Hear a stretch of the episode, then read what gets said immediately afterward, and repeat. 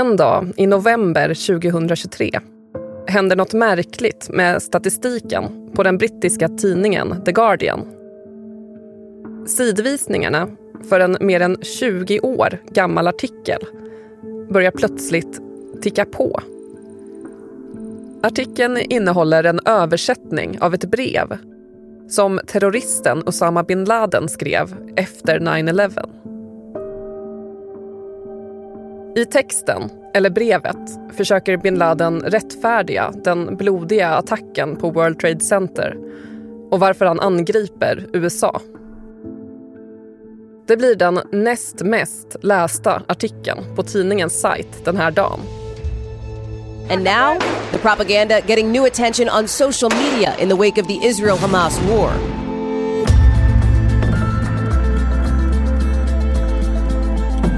Från Dagens Nyheter. Det här är Spotlight. Idag om Osama bin Ladens brev. Varför dök terroristens text upp på TikTok 2023? Jag heter Emma Lokins.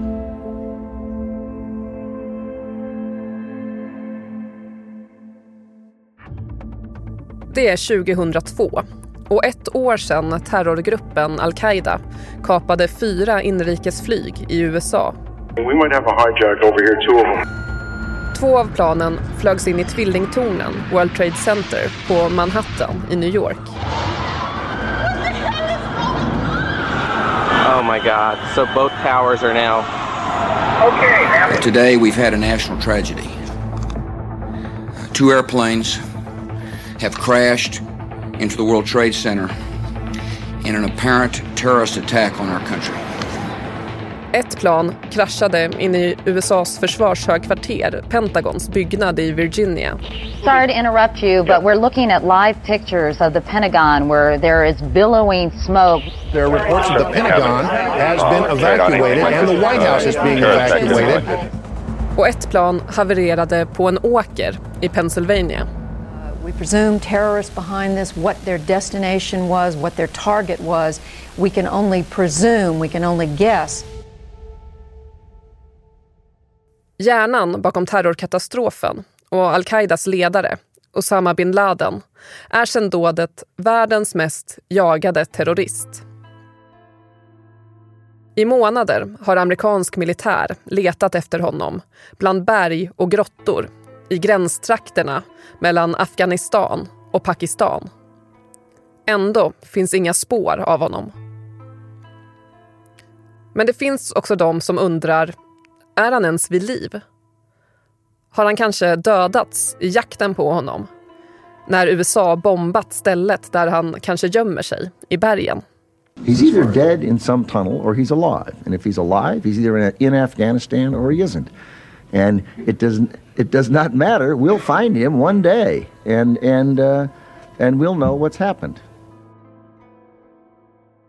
Men så, några månader senare, publicerar Osama bin Laden en text på en hemsida som sprider al-Qaida-propaganda. Texten har rubriken A letter to the American people. Ja, det här brevet är en propagandatext där bin Laden försvarar de terrordåd al-Qaida genomför och hävdar att det är USA som är orsaken till att de enligt honom tvingas göra de här dåden. Och en hel del i det här eh, brevet handlar ju också om Israel och Palestina. Osama bin Laden hävdar ju att eh, muslimer är de som har en gudagiven rätt till området som idag kallas för Israel och att Israel som stat inte borde existera. Hugo Evald Hyrinski, du är faktaredaktör här på DN. Den här texten den plockas sen upp av västerländska medier som översätter det och publicerar det i sin helhet. Så hur kommer det sig? Nej, men den här texten börjar först spridas på al-Qaida-anknutna sajter eh, och fick sen spridning i bland annat Storbritannien bland islamister där. The Guardian valde då att översätta det här brevet själva och publicera det. Eh, och anledningen som de använde i den här ursprungliga publiceringen var att de ville visa på hur konkret det här hotet mot Storbritannien och resten av västvärlden från al-Qaida faktiskt är. Och på hemsidan ligger Osama bin Ladens text publicerad i över 20 år. Tills en dag, när den plötsligt blir aktuell igen. Det är mitten av november 2023. Det har gått några veckor sedan kriget mellan Hamas och Israel bröt ut. The country's ground forces are now at the height of the battle as they make advances in the northern half of the Gaza Strip. När flera amerikanska TikTok-användare börjar publicera videos där de läser upp delar av Osama bin Ladens A letter to the American people. This morning I read Letter to America, which is Osama bin Laden's letter to America explaining why he attacked Americans. And I am ashamed to say that I not only have never read this letter, but I didn't even know this letter existed. Det är lite oklart vem exakt som började med det här, men det var ett antal konton på eh, TikTok som då i mitten av november publicerade klipp där de läste ur det här brevet. Och budskapet från de här TikTokarna kan man väl säga är eh, om Osama bin Laden är så hemsk, varför håller jag med om så mycket i det här brevet? Eh, personerna liksom berättar då om sin chock över att eh, de inser att de håller med om flera saker i det här brevet. It's wild and everyone should read it. I will never look at life the same. I will never look at this country the same.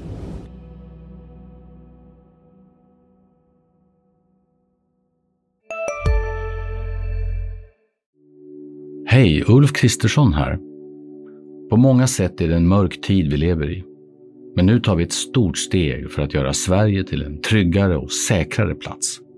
Sverige är nu medlem i Nato.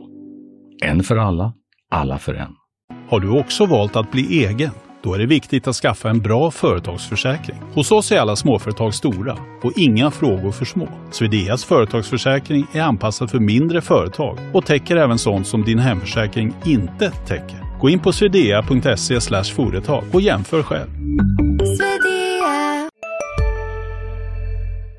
Ett av huvudtemana i den här texten är ju just eh, Israel-Palestina-frågan. Bin Laden hävdar ju att det är muslimer som har en gudagiven rätt till det område som idag är Israel och menar att Israel inte borde få finnas så att säga.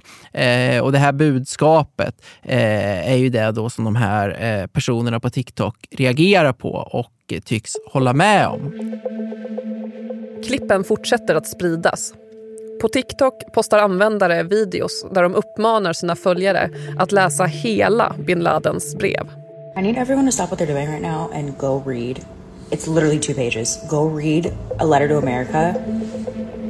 And please come back here and just let me know what you think because I feel like I'm going through like an existential crisis right now. Personerna säger saker som “jag som trott att bin Laden var den onda och USA som är den goda, eh, det kan jag inte längre se det som efter att jag läst det här brevet”. Så de här personerna menar ju då att det här brevet för dem eh, i ett antal fall var eh, världsomvälvande kan man väl säga. Please read it and if you have read it let me know if you are also going through an existential crisis in this very moment because in the last 20 minutes, my entire viewpoint on the entire life I have believed and I have lived has changed. Och helt plötsligt är artikeln med Osama bin Ladens brev den näst mest lästa på The Guardians sajt onsdagen den 15 november 2023. Att många som pratar om det här är personer som antingen var väldigt unga eller inte ens födda när 11 september-dåden inträffade. Vad har det för betydelse? Det är väl kanske svårt att som ung eh, idag minnas den här liksom zeitgeisten som fanns eh, under eh, 11 september-dåden och åren efter. Det var en väldigt stark känsla bland många, framförallt politiker, att eh, vi är i en existentiell kamp mot då, eh, radikal islam. Och jag tror att många kanske inte heller minns eller var med eh, och minns eh, liksom, vilken central roll Osama bin Laden hade i det här och hur mycket av en symbol han var för eh, både al-Qaida men också radikal eh, islamism i stort under den här perioden. Och Hugo, efter det att Hamas attackerade Israel den 7 oktober då har många av de stora sociala mediejättarna kritiserats för att de har varit dåliga på att ta bort våldsamt material och desinformation. Är det här ett stort problem? Ja, det är ett stort problem, eh, särskilt på vissa plattformar. Framförallt skulle jag säga att det är på X, tidigare Twitter, som de absolut största eh, problemen finns.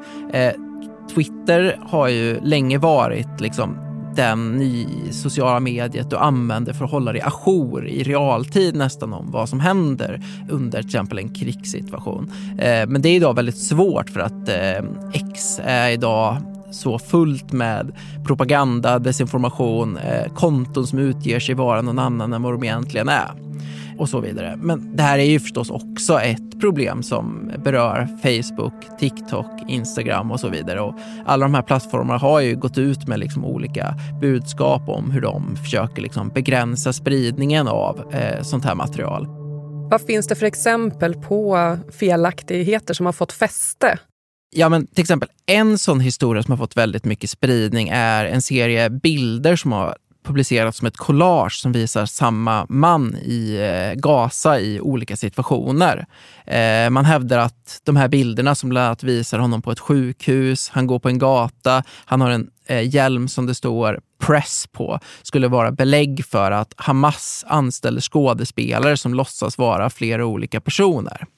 Det är ett exempel på en sån felaktig nyhet som fått väldigt stor spridning. För det stämmer att den här snubben finns. Han är en influencer från Gaza, men han har liksom aldrig egentligen låtsats vara olika personer, utan han har liksom förekommit i många olika situationer för att han har intervjuat personer och så vidare. Men det rör sig också om mycket material som till exempel videoklipp som beskrivs felaktigt.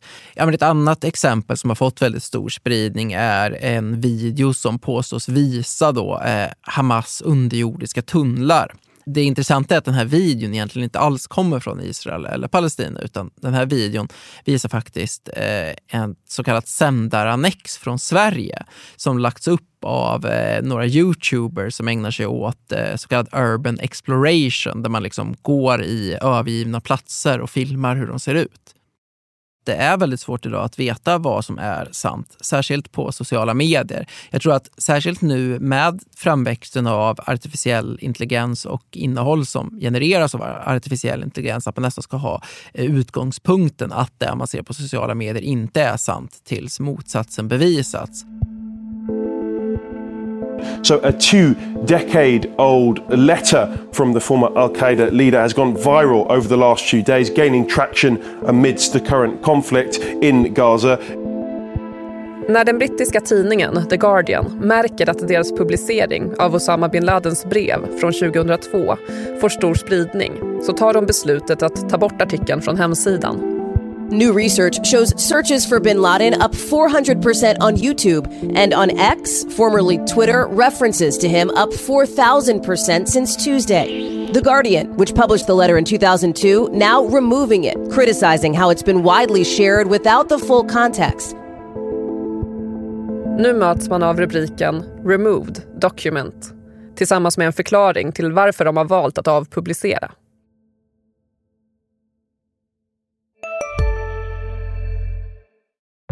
Alltså äter du i duschen? Nej, det gör jag verkligen inte. Men alla gör ju det nu. Duschsnacks, Frans. Vilka är alla? Ja, men alla på TikTok och bloggar och allt möjligt. Så det är, de har en tallrik i duschen och så är det lite så här oliver och ostbågar typ. Nej men gud, tapas. Där drar jag gränsen. Jag, jag kan sträcka mig till duschöl. Men annars så får man torka sig innan man hugger in på godsakerna. Ja, men lyssna på Nära vänner, en podd med mig Fanny och dig Frans med Expressen. Viktiga nyheter. Hej, Synoptik här. Hos oss får du hjälp med att ta hand om din ögonhälsa. Med vår synundersökning kan vi upptäcka både synförändringar och tecken på vanliga ögonsjukdomar. Boka tid på synoptik.se.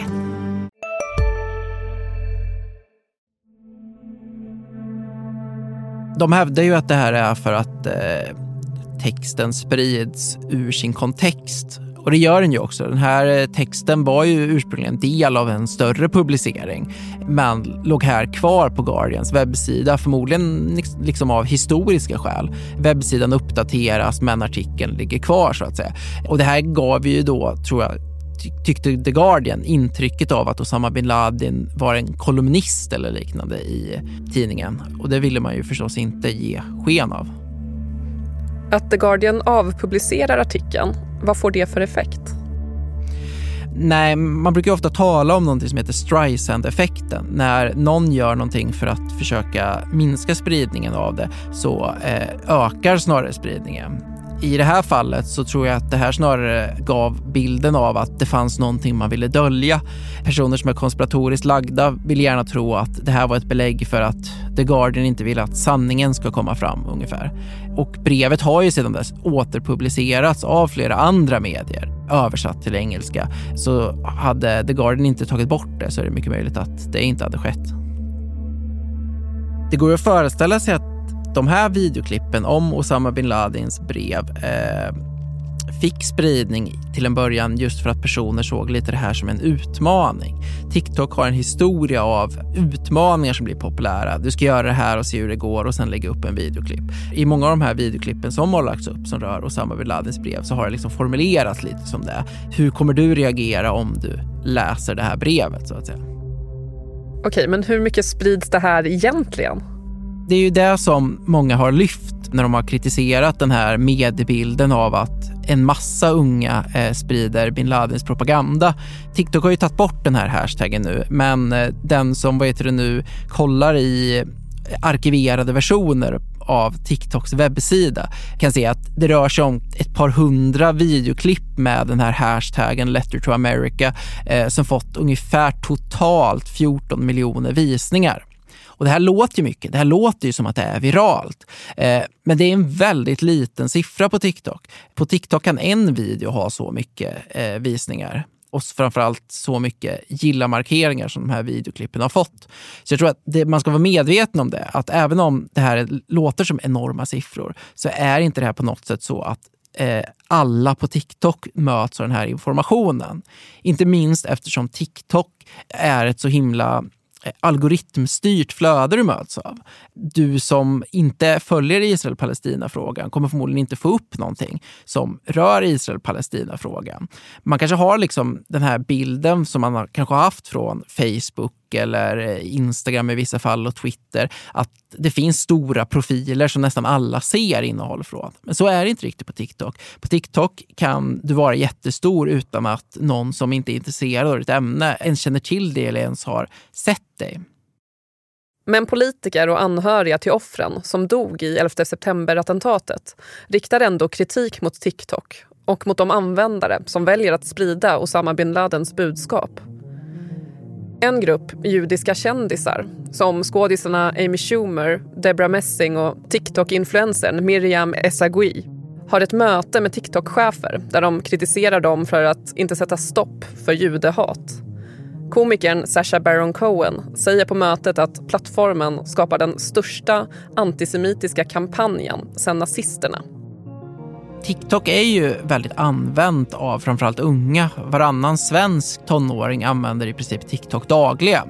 Och jag tror att väldigt många ser det här som eh, ett hot på det sättet. Man är rädd för att om antisemitism får stor spridning på TikTok så kan det påverka ungas åsikter i en väldigt stor grad.